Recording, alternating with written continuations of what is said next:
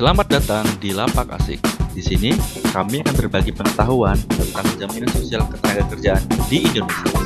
Kami harap dengan hal yang kami bagikan ini akan menambah wawasan rekan-rekan pendengar sekalian serta menambah awareness perihal jaminan sosial ketenaga kerjaan di Indonesia, terutama yang diselenggarakan oleh BPJS Ketenagakerjaan.